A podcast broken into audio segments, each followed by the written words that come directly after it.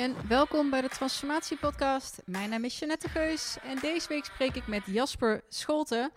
En Jasper heeft niet alleen een boek geschreven genaamd Het Millennial Mysterie. En volgens mij komt er ook een tweede boek aan. Maar hij heeft ook een podcast waarvoor hij mij ook heeft geïnterviewd. En dat linkje vind je in de omschrijving hier. Ehm, maar hij heeft ook, is hij een platform aan het ontwikkelen met trainingen uh, in persoonlijke ontwikkeling specifiek voor millennials. En hij um, consulteert bedrijven ook bij allerlei vraagstukken rondom millennials.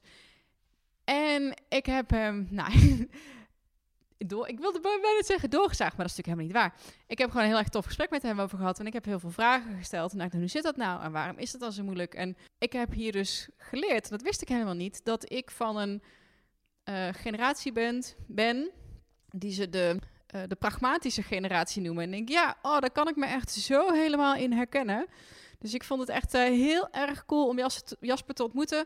Uh, we hebben ook plannen om samen te gaan werken met dat mooie platform wat hij aan het bouwen is. Om daar ook te kijken of onze trainingen over lifecrafting, of die daarin in passen of niet. Dus dat is echt heel erg tof en spannend en cool. Ik ben enthousiast zoals je hoort. ik ga je ook niet langer uh, vervelen. Ik geniet van deze aflevering. En ik spreek je heel graag volgende week weer.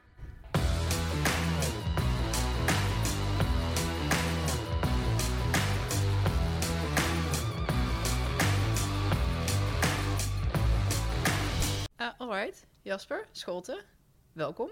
Dankjewel. In de Transformatie Podcast. En ik zo meteen in jouw podcast. Want we gaan, een, uh, we gaan twee afleveringen opnemen vandaag. Um, jij bent auteur, spreker, het Millennial Mysterie. En ik, oké, okay. die moet ik even spreken. Want, uh, hoezo? Mysterie?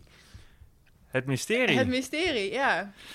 Ja, dat, uh, dat was voor mij in ieder geval een mysterie. Dat was begin 2016.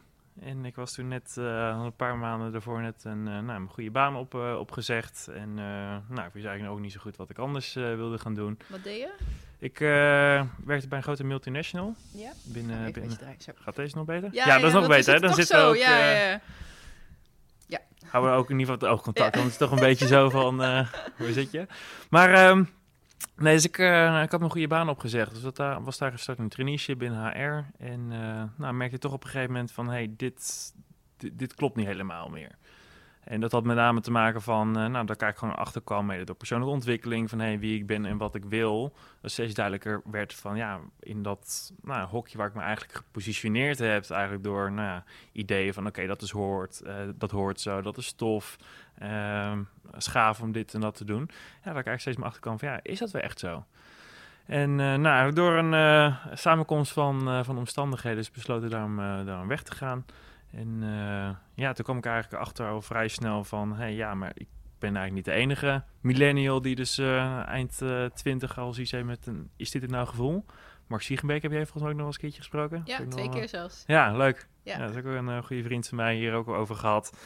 Maar waar ik op een gegeven moment toen achter kwam begin 2016, is toen kwam uh, Arbonet en CBS, die kwamen opeens al met cijfers naar buiten. Dat stress en burn-outs en depressies, dat die de afgelopen jaren het hardst, uh, of althans hard waren gestegen. En het hardst dus onder de groep van 2035. De millennials. En dan dacht ik van, hè? Hoe kan dat nou? Van in een land waar we het zo goed voor elkaar hebben met alle voorzieningen, de welvaart, alle sociale vangnetten ja, dat deze uh, groep eigenlijk collectief niet gelukkig is. Want ja, de cijfers lieten zien dat 100.000 van ongeveer 3,1 miljoen uh, ontdekte ik later. Dus thuis zitten vanwege veel stress. Zijn dus een beetje steden als Deventer en Delft en Leeuwarden. Alsof je, nou, alle inwoners ervan gewoon millennials zijn die dus thuis zitten met een burn-out. Een ander onderzoek van Monsterboard liet zien dat 85% van de millennials dus actief, dus eigenlijk gewoon dagelijks, twijfelt over zijn of haar werk en privéleven. Ja, dus dat was voor mij het uh, millennium mysterie. Dat is het mysterie van hoe kan het als we zoveel welvaart hebben en er zoveel kansen zijn. Dat, het zijn niet letterlijk, maar dat hoor ik er wel een beetje ja, uit. Zeker. Zoveel dan, ja. keuzemogelijkheden, kansen. Van uh, ja, altijd met het idee van nou, als je een goede, als je een uh, academische bul of uh, HBO hebt doorlopen, van nou, dan krijg je wel een goede baan. Maar ja, dat, dat geldt niet meer zo. Dan moet je tegenwoordig of dubbele master, bestuursjaar, buitenlandervaring, et cetera voor hebben. Dat was altijd al.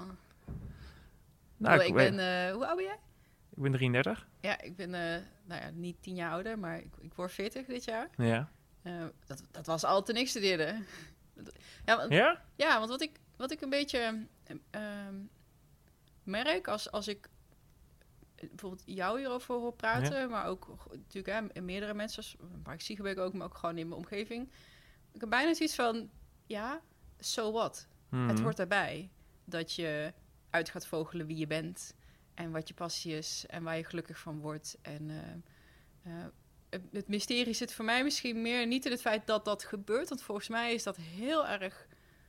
Heeft elke generatie zo'n fase van, oh, wie ben ik, waar hoor ik bij? Mhm. Eh, deze, denk ik, generatie veel burn-out. Omdat er echt in... Maar ja, kijk naar de 70s, dat deden ze weer andere dingen. eh, Ehm, zo van, ja, niet zo wat om het te bagatelliseren. Ja. Totaal niet, want ik denk dat het echt een heel groot probleem is. Maar het mysterie zit meer eens van hoe... Of niet mysterie. Is het zo dat omdat de millennials nu heel vocaal zijn... en eh, echt een outlet hebben in bijvoorbeeld een social media... of in een online onderneming... juist omdat we zoveel kunnen en we daar zo direct met elkaar over kunnen praten... kunnen communiceren... dat het probleem daardoor nog grotere proporties aanneemt... Ja. terwijl het wel gewoon een oud probleem is. Oh, het is gewoon een jongere generatie... die vast zat in een bepaald stramien van de generatie daarvoor... die Ja. ontdekt... hey, dit is niet hoe ik mijn leven wil leiden. Ik, ben, ik zie mezelf daar een beetje als... Een, weet je, ik ben niet de millennial, ik ben wat ouder... maar ik heb wel zo'nzelfde soort pad ook bewandeld. Ja. Hoe zie jij dat? Ervaar je dat hetzelfde? Of heb je zoiets van... nee, er is echt wel iets specifieks nu met deze groep aan de hand... wat misschien nog niet eerder is gebeurd? Nou, er zijn een aantal eh, zaken. Ik, kan heel veel dingen inderdaad wat je zegt, dat, eh, daar kan ik me volledig in vinden. Van ja, de, de context is wel zeg maar wat anders waarin nou, zeg maar, de huidige millennials opgegroeid dan nou, dat ik en, en jij bent opgegroeid dan wel onze ouders. Want dat klopt, ja. Als je in de 20, 35 bent, dan gaat het je de levensfase gaat, eh, de levensfase vraag gaat om van hey, wie ben ik en wat wil ik. Ja, precies. Dus dat is Ga inderdaad. ik kinderen, ga ik carrière en wat dan en waar en met wie? Ja, Ja, ja, nee, dus, dus, ja. dus dat is in die zin tijdsloos. Alleen is de vraag van hey, hoe reageert iedere generatie erop? ja. En daarin ehm, verschilt het van enerzijds van hè, de, de wereld, de context waarin we zijn opgegroeid. Nou, die is deels veranderd. Van, nou, de, de prestatiedruk is nog verder toegenomen. Inderdaad, de social media ook wat je zegt. Het wordt steeds meer allemaal, komt dichter in huis wat, wat de succesverhalen zijn van, van anderen. Waardoor dus die sociale vergelijking ook sneller ontstaat. Dus dat voedt die, nou ja, die, die, die prikkel en die druk van oké, en, en ik dan? Moet ik dan ook? En anderzijds is, eh, als we kijken naar, naar de verschillende generaties, want eh, nou goed, jij bent dan van de pragmatische generatie, zoals Aardbol de zo? Oh, Koning. ik was ja, dus- wel benieuwd waar, in welk hokje ik zou vallen. ja, de 1970 tot 1985, dan word je tot de pragmatische generatie. Ik heb dat, dat woord nog nooit gehoord. Nee, dat is grappig. Ik heb dat tijdens de lezingen ook wel eens, maar, eh, maar dat is ook een beetje het... eh, af en toe ook wat lastig hoor, met al die generatieonderzoeken. Want soms worden ze ook vanuit de, de VS gewoon klakkeloos overgenomen. En wordt in één keer gezegd van ja, in 2025 is 70% van de arbeidsmarkt een millennial. Ja, als je vanaf 1970 gaat rekenen, dan zou dat best eh, kunnen. Maar ja, dus die, die jaartallen die verschillen nog Ja. heel erg. De pragmatische generatie. En wat zat daarvoor, voor de pragmatische generatie? Generatie X. Ze zijn een beetje Dat gaan tellen X, van eh, vanaf de babyboomers in 1940, 55. Althans, dus de, de Nederlandse sociologen. Ja. Eh, want ja, in ieder land liggen die nuances eh, liggen verschillend. Dus iedere 15 jaar, dus je hebt de babyboomers tot van 40, 5 en tot 55. Dan generatie X van 55, 70. ja. Pragmatische generatie van 70, 85. 85, 2000 die millennials. En nu? Dan heb je nog generatie Z. Oh ja. En dan is er nu ook weer een nieuwe generatie ontstaan. Ik hoorde, wat ons las laatst, het woord generatie Alpha. En dat dat hem eh, alweer wordt genoemd. Maar dat weet ik nog niet helemaal zeker. Maar dat zijn nu ja, mensen tot, tot vier jaar. Dus dat is heel lastig te zeggen van... En eh, kan je wat, wat eh, typeert? Want ik denk dat heel veel mensen die zullen luisteren nu zullen dan blijkbaar in de pragmatische generatie vallen. Ga ik even vanuit. Heel veel van mijn tijdsgenoten, maar ook Ja. jonger natuurlijk wel. Welke, welke woorden kunnen we daar aan hangen? Of hoe kunnen we die karakteriseren, die groep? Weet je dat uit je hoofd? Ja, of althans, ik ben er iets minder eh, eh, op gefocust. Maar het ja, eigenlijk zegt de naam al een hele hoop van pragmatisch. Ze zijn eh, efficiënt, effectief. status en waardering is nog vele malen belangrijker dan nou ja, de kenmerken van, van de generatie ervoor. Als bijvoorbeeld kijkt naar de, naar de X'ers, dat zijn weer vaak nuchtere verbinders. Van eh, nou, allemaal alles samen en, en wij, het hele polderen. Nou, de pragmatische generatie had zoiets van allemaal, ja, die liepen gewoon helemaal leeg op al dat uh, vergaderende polder. Die hadden zoiets van, nee, kan het eigenlijk allemaal wel wat, wat sneller. Nou, toen ze gingen studeren, of althans toen ze gingen werken van... Ja, bij een sollicitatie, wat voor, wat voor leaseauto krijg ik erbij? Wat, dus eigenlijk meer, iets meer de vorm, dat dat eigenlijk belangrijk was. En de millennial, hoe kun je die typeren? Daar staat bijvoorbeeld weer de kenmerken zijn weer van de streven naar geluk. Eh, die instant gratification is de korte termijn eh, geluk. Ambitieus, eh saamhorig. Dus ook dat heel dat wijgevoel weer. Weer graag authentiek zijn. En we zijn enorme twijfelkonten. Ja. Ja. En, en, en hoe verhoudt dat tot de generatie daarna, dus de generatie Z? Hoe is die weer doorgeëvalueerd? Ja, dus dat is wel grappig, want eh, wat je eigenlijk ziet is dus dat de, dat de ouders, want zoals iedere generatie, dus deze kenmerken zijn eigenlijk het, het resultaat van de opvoeding. Hè? Wat zijn de normen en waarden die zijn meegekregen en wat is de wereld waarin je bent opgegroeid. Ja. Dus als we kijken naar de millennials, die zijn dus opgevoed door de X'ers. En nou, die hebben dus een bepaalde normen en waarden meegegeven, maar waaronder van ja, zekerheid is geen gegeven. Maar dat zekerheid is geen gegeven zitten we niet in de, de kenmerken van millennials. En dat heeft te maken eigenlijk van ja, dat wij eigenlijk in een wereld zijn opgegroeid waar eigenlijk alles groeit. Van nou, bedrijven als Google en Facebook die in één keer, eh, nou weet ik wat hoeveel miljarden waard zijn eh, geworden. Van ja, waarom geld op een bankrekening zetten met 0% rente als je ook aandelen of crypto's of ga ze maar door Ja. eh, je, je rendement kan Meer dat halen. self-made eh, Ja. perspectief. Ja. En als we kijken dus op je vraag van hen naar, naar die generatie Z, want dat zijn dus vaak weer de kinderen nu van, van de pragmaten. Ja. Ehm, nou, die zijn dat stukje authent- authenticiteit en zingeving, dat, eh, dat schijnt nog verder door eh, te werken. Hoe oud zijn die zetters nu? Ja, dus dat is nu een beetje tot, eh, Tot 20 dan? Nee? ja, dus vanaf 20 en van, van 5 jaar tot 20.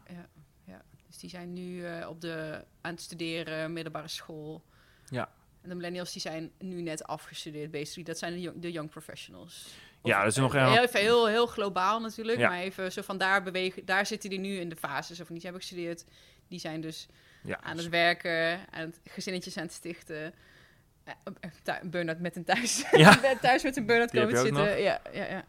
Maar wat ook nog wel interessant is van... ehm, ehm, want ja, er wordt heel veel gezegd over millennials. Dan ze zijn lui en verwend. Ik kun niet tegen een stootje van... Dat hebben de psychologen ook gezegd. Van, hè, dus dat de frustratietolerantie van deze groep eh, lager is.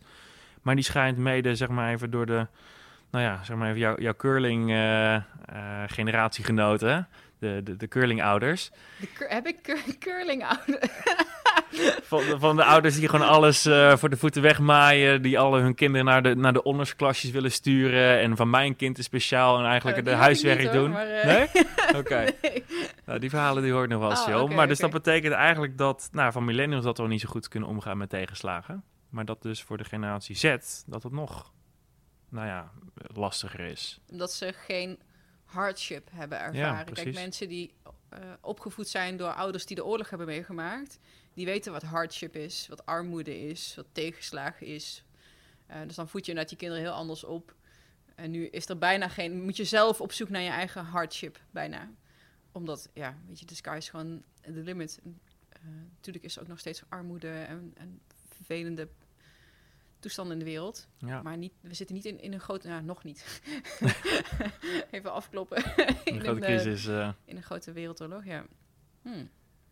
Ja, dus, Oh, dat, dus dat is eh, wel interessant, maar ergens ook van hem, met, met wat voor normen en waarden zijn we opgevoed. Ja. Van, als we kijken, nou, de, veel millennials geloven dus in de maakbaarheid van het, van het leven.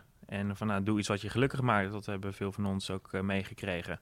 Ja, dus als er tegenslagen op ons pad komen met eigenlijk alle hoeveelheid eh, keuzemogelijkheden die ondertussen zijn ontstaan. Denk ik van, ja, als ik ergens niet op mijn pad zit, is het in mijn werk, ja, dan kan natuurlijk best wel eens een keer die conclusie zijn van, ja, misschien is het wel niet. Misschien moet ik nu gewoon iets anders doen, waarin ik misschien wel weer wat makkelijker in de flow kom. Wat, wat, ik ben heel benieuwd hoe... Want je geeft lezingen en zo. Ehm, ik, kan me heel goed voorstellen dat je boodschap onder tijdsgenoten heel anders binnenkomt. En dat er ook anders op gereageerd wordt dan wat nu eigenlijk de executive laag is binnen bedrijven. Of onze ouders of onze voorbeelden, onze mentoren. Gewoon degene die ook weer boven mij staan. Ja. Hoe kijken die hiernaar? Hoe zien die jullie groep? Wat hoor jij daaruit? Goeie vraag. Ehm, ja, dus, eh, de meeste van mijn lezing en adviestrajecten die ik geef bij organisaties gaat rondom het beter samenwerken met millennials. Dus hoe, nou, even plat gezegd, binnen en boeien. Want vaak, eh, als we nu kijken naar, naar organisaties, en dat laten eigenlijk ook alle cijfers zien, is dat het verzuim en het verloop, of een van de twee, vaak wat hoger is. Nou, en dat vaak of HR of leidinggevende of de board soms echt dan met, met een hand in de haren zitten van, oké, maar wat kunnen we nou doen? En nou, wat, wat ik vaak zie is dat ik ze eigenlijk meeneem van hey, hoe komt dus die, die millennial mindset? Van oké, waarom hebben we dus bepaalde werkbehoeften als nou dat heel graag ontwikkeling, betekenisvol werk, uh, werksfeer zo belangrijk is, maar bijvoorbeeld ook de behoefte aan autonomie, dat dat heel Ja, diep in ons eh, eh, willen zijn. Ja. geworteld zit. En ja, als we dat dan vervolgens kijken naar de realiteit, ja, dan zien we naar de werkvloer, ja, dan zien we toch vaak wel nog een top-down eh, structuur, eh, waarin in plaats van ontwikkeling, ja, niet of persoonlijke ontwikkeling, maar professionele ontwikkeling, eh, toch al meer de professionele maskers op, in plaats van, je mag die thuis een privé situatie Ja. er ook zijn, moet het allemaal binnen 9 tot 5. Ja, dat, dat botst zeg maar even met, met de waarde. Ik kan me dat ook zo goed voorstellen. Stel dat jij nu 55 bent en je hebt. Eh, je werkt al eh 30 jaar bij een bepaald bedrijf. Je komt uit het onderwijs. En, en daar was, eh, werkten mensen echt gemiddeld eh, t- nou, 25, 30, 40 jaar in één instelling. Ehm, dat jij in een bepaalde tijdgeest, een bepaalde frame of mind, heb je heel hard gewerkt om op een bepaald punt te komen. En dat hoorde ik ook dat, eh, toen ik les gaf. En dan komt er zo'n jonge PhD-student, zo'n millennial, die Ja. denkt dat hij even manager kan worden en dat hij het helemaal kan maken. En weet je, dat, dat hele autonome en dat buiten de gebaande kaders durven treden en gewoon, weet je, de, de, de boel anders aanpakken. Ja, daar zit superveel weerstand. Nou, niet zozeer weer, niet alle, altijd weerstand, ook wel bewondering natuurlijk, of, of hè, terughoudendheid. Zo van, ja, ja, ga jij eerst maar zelf ook even 30 jaar eh, bikkelen. Net zoals wij 30 jaar hebben moeten bikkelen. en dan mag jij. Dat was voor mij de reden om te stoppen, zeg maar, met mijn PhD en met werk. Ik denk, ja, ik heb wel die millennial spirit deels. Mhm. Hey, ik kan echt fucking hard werken en ik ben super ambitieus. Ehm, maar waarom moet het op basis van anciëniteit, dus degene die er Ja. langst zit, dat die als eerste door mag? Dat za- strookt zo niet met mijn eigen norm en waardekader, maar ik snap het wel. En ik snap het ook van die mensen, dat zij dat ook als maatstaf hanteren. Ze van, ja, weet je, ik moet er 30 jaar op vervechten en ik zal jou eens even matsen, weet je. Ja. Dat jij het in vijf jaar mag. Dat is heel, dat vreemd. Dat vreemd, ja. Ja, hoe ga je er dan in hemelsnaam... Welke laag coach je? hoe vlieg je dat aan? Ja, dus uiteindelijk, eh, dus, eh, dus ik schetste net hè, van wat dus de millennials zien als de, als de mismatch, van waarom zij zich dus niet op een plek voelen. Maar andersom begrijp ik het ook eh, heel goed. Nou, wat jij ook net zegt, of dan eh, van die millennials die eigenlijk binnen twee jaar al aan je bureau komen van, nou, ik ben wel uitgedaagd, of ik Ja, ben niet meer uitgedaagd, ik ben wel uitgeleerd. Je bent net ingewerkt. Ja, ik wel, wil leiden geen positie, of nog erger, ik ben eigenlijk al weer toe aan een sabbatical. Ja, ja, Die, ja. die verhalen hoor je soms ook en denk je van, god, wat is het er aan met deze generatie in de hand? Waar is het ooit misgegaan? Ja. Maar, eh, en, dat, en dat begrijp ik ook heel goed. En ook eh, van het, bijvoorbeeld een stukje commitment. eh, van ja, dat ze soms ook het idee hebben van, oké, die, die millennials van, ja, als ze even niet die, die, niet committed zijn, dat ze dan gelijk weer, weer weg zijn. En het is super lastig. En ik heb een bedrijf. Ja, En ik weet nu ook, ja, weet je, na twee jaar durf je eigenlijk pas iemand helemaal, in ieder geval in, in, in- in het jonge, groeiende bedrijf waar ik in zit, weet je wel. Nu na twee jaar durf ik mensen echt helemaal hun eigen ding te laten doen. Ik, ik zou het super kut vinden als, als iedereen steeds na een jaar of anderhalf zegt, hé, hey, ik ben er wel weer klaar mee. Weet je, dat is, is lastig als je als bedrijf wil groeien. Als je in de fase waar we nu, ik denk dat heel veel start-ups precies hetzelfde hebben. Dat je juist mensen van, joh, goh, blijf alsjeblieft langer, weet je wel. ja. Maar wa- wa- wat moet je in huis hebben om zo'n millennial wel te boeien of aan je te willen binden? Wat moet je die bieden? Nou, waar, waar het uiteindelijk eh, de, de, de sleutel, en daar heb ik echt prachtige eh, voorbeelden van eh, gezien, dus de, de oplossing zit heel erg eigenlijk in het woord afstemming. Dus het gaat niet zozeer van hè, met, met de krappe arbeidsmarkt en soms dan, dan helemaal als het verzuim en het verloop hoog is, dan kunnen bedrijven soms nog echt een soort van ja, verwoede poging maken om zeggen, nou weet je, we passen ons helemaal aan aan millennials, eh, halen allemaal pingpongtafels in huis en doen er van alles om dus die millennials er binnen te boeien. Maar dat werkt vaak helemaal niet. Of eh, gewoon ideeën die top-down worden ingevoerd van, oh, nou, ze willen wel een traineeship of dit bepaald ontwikkelingsprogramma. Ja, daar wordt dan vervolgens er niet op goed op gereageerd. Dan je, nou, die millennials zijn wel lui en verwend. Maar het gaat veel meer om dus afstemming. De vraag van, oké, hey, waar ligt nu de behoefte van de millennial en waar ligt nou de behoefte van de werkgever? En hoe vind je daar nou eigenlijk de optimale afstemming eh, in? Nou, dat is eigenlijk ook nu eh, waar ik met mijn tweede boek nu ook mee bezig ben, eh, genaamd de Millennial Sweet Spot. Oké.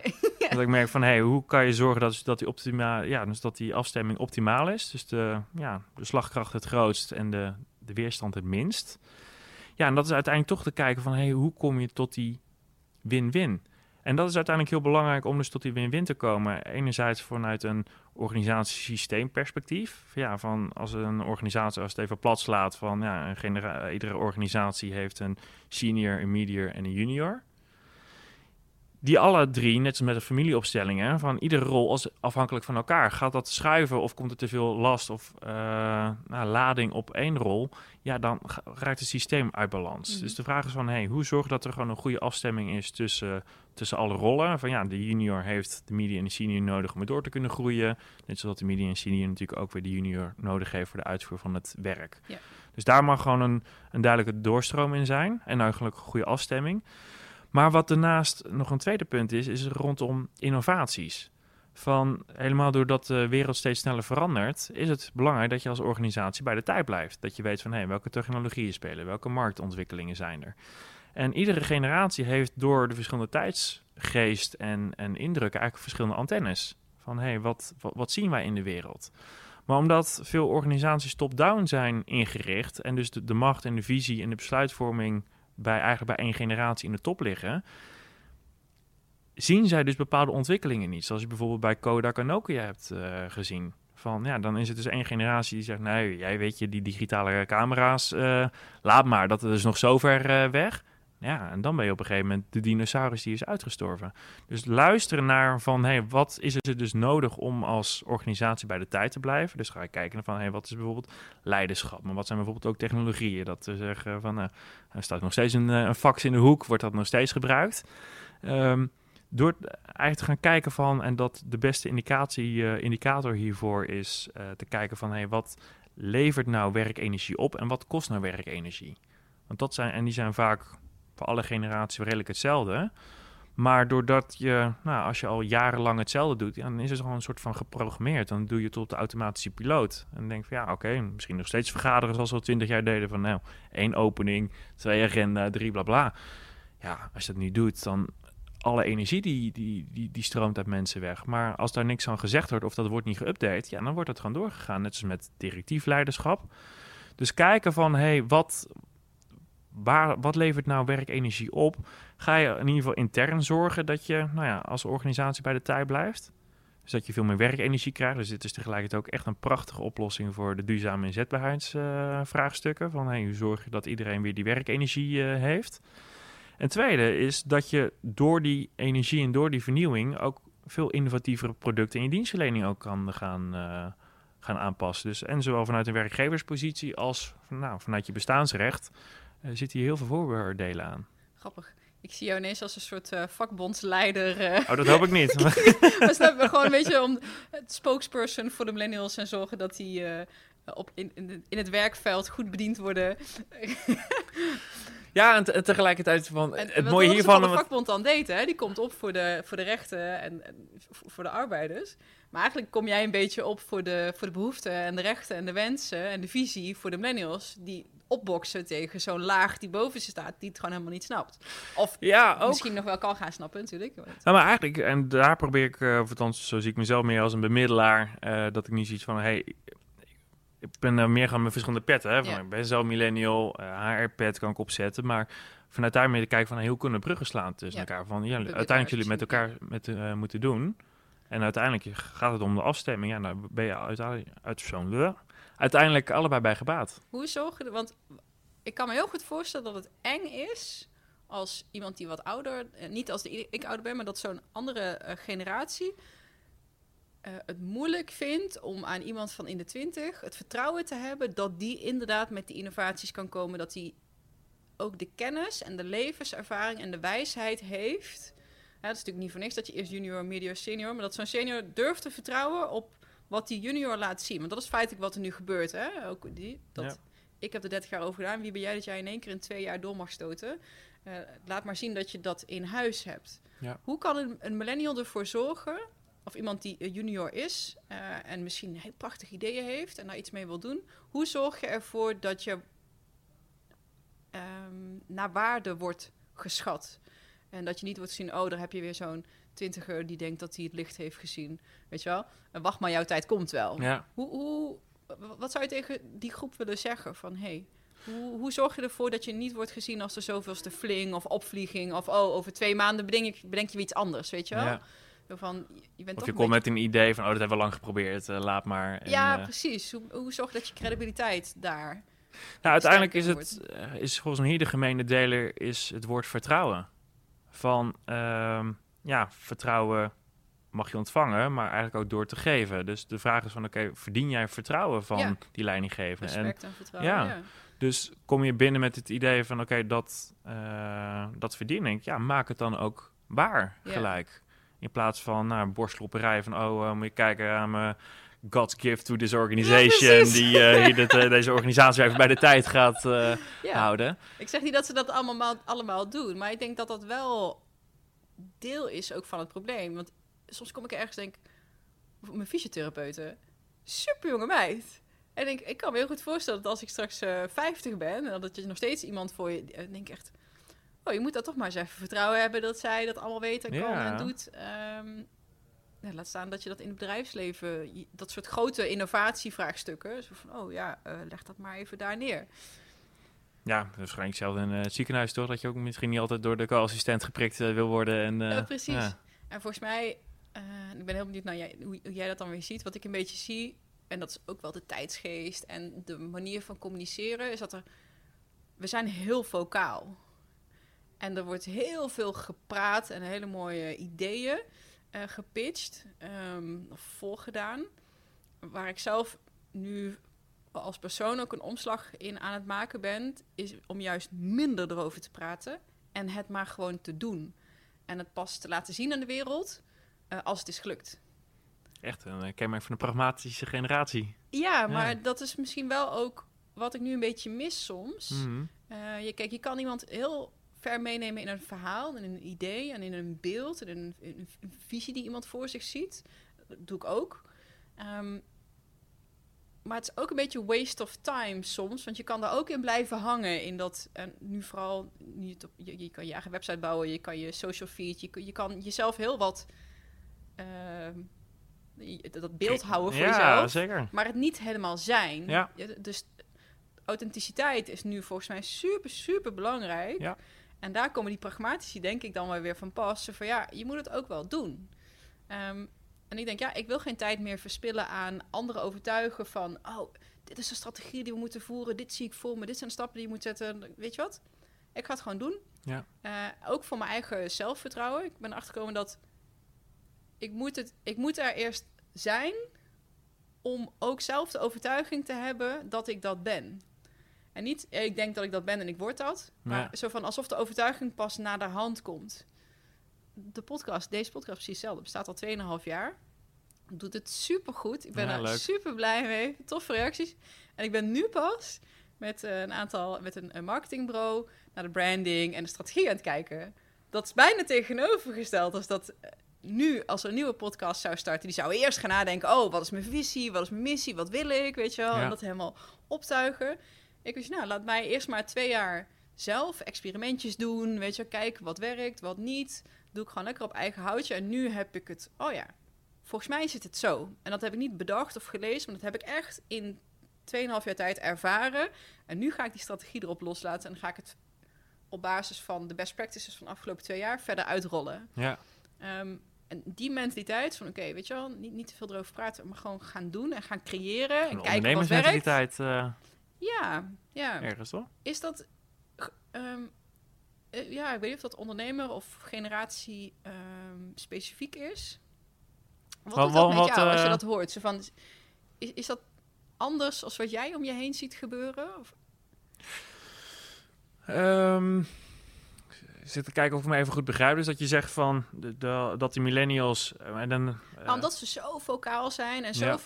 Ook gewoon op de werkvloer of gewoon, eh, gewoon je- in loondienst. Ja, en, en je, je, kan een, een toekomst creëren in, in hoe je praat en wat je belooft Ja. en, eh, en wat je online zet en hoe je jezelf positioneert. Eh, en, en wat zijn waarschijnlijk hele slimme, sneldenkende, innovatieve, creatieve hoofden. Ja. I get it. Ehm, met nog heel weinig track record. Ja. Dat is misschien het woord wat ik zoek. En dat is wel een beetje spanningsveld. Ja. Oké, ga je voor een track record en ga je daarna de wereld met je meekrijgen? Of ga je, trek, krijg je eerst de wereld mee en bouw je dan afgaande die track record op? Eh, Snap je Ja, nee, Ja. zeker. Maar ik, ja, dat, ik weet niet of dat zeg maar in het generatiekader echt helemaal duidelijk kunnen, kunnen stellen. Want uiteindelijk, eh, als ik kijk naar bijvoorbeeld naar de stress- en burn-out golf, van, ja, die raakt uiteindelijk zeg maar iedere generatie. Ja. Millennials het hardst. Maar dat heeft er uiteindelijk wel voor gezorgd, mede door de flexibilisering van de arbeidsmarkt. Maar ook met name zeg maar, de, de jongere garde steeds meer flexcontracten voor zichzelf gaat werken. Maar het heeft natuurlijk wel gezorgd voor een wildgroei aan coaches en trainers. Die, nou, als je zo, nou, ik ben, ik ben een paar jaar manager geweest, ik ga wel coachen. Omdat Ja. je een goede coachopleiding of iets hebt gedaan. Van iedereen kan zich trainer of coach noemen. Ja, en hoe onderscheid je dan? Ja, dat is dan toch op een of andere manier je te onderscheiden en eh, nog net iets eh, harder te roepen dan een ander of Ja. nog net iets meer te Het beloven. is Dus- dat. Het is, we dat onderscheidend vermogen wordt gezocht in het beeld, wat, de communicatie. Ehm, en dat mag wat mij betreft iets meer richting track record gaan. En dat is natuurlijk lastig, omdat het zo snel verandert. En het is heel En moeilijk ook- om een track record op te zeker. bouwen als het steeds continu verandert. Dat of je bent nog geen wel. 30, ja. Ja, ja. Maar dat, ja, ik, ik weet niet hoe jij dat naar kijkt, maar eh, ja, af en toe dan zien we zeg maar wel eens live coaches van 25, 26. Dan denk ik, ja, oké, maar wat heb je geleerd of wat, wat, wat weet je nou? Ben je zo'n oude ziel van eh, dat dat zou kunnen? Oké, dat zou kunnen, maar toen heb ik ook het idee van, oké, volgens mij hebben sommige mensen nog een hele grote blinde vlek, maar nou, worden ze soms ook gewoon een beetje geïndoctrineerd, zeg maar, door de online trainers Ja, die ja, goed ja. mee verdienen door te zeggen van, nou, weet je, hè, wil je je business opzetten? Nou, Volg deze, mijn training. Volg mijn training aan 3000 euro en eh ga ze maar door. Ja, Ja, die, eh, die profiteren het meeste van. Maar uiteindelijk merk ik nu wel van dat heel veel coaches en ook veel millennial coaches komen steeds meer op de markt. Ja, wat weten die nou echt van deze groep?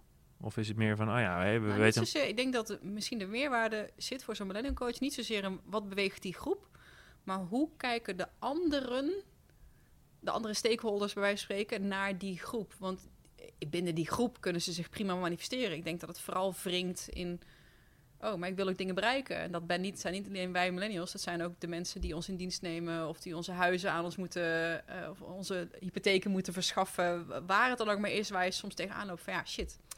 Weet je wel, de oude structuren passen niet voor hoe wij in het leven staan. Ja, Dus die, als je dat goed kan zien en kan zien waar het wringt, eh, dan kan je die groep denk ik echt heel goed helpen. Maar misschien beter nog als buitenstaander dan van binnenuit. Want jij zit ook een beetje Ja. op dat snijvlak. Je bent half buitenstaander, Ja. half binnenuit. En daarom de beste stuurlui ook. staan er wel, eh, toch?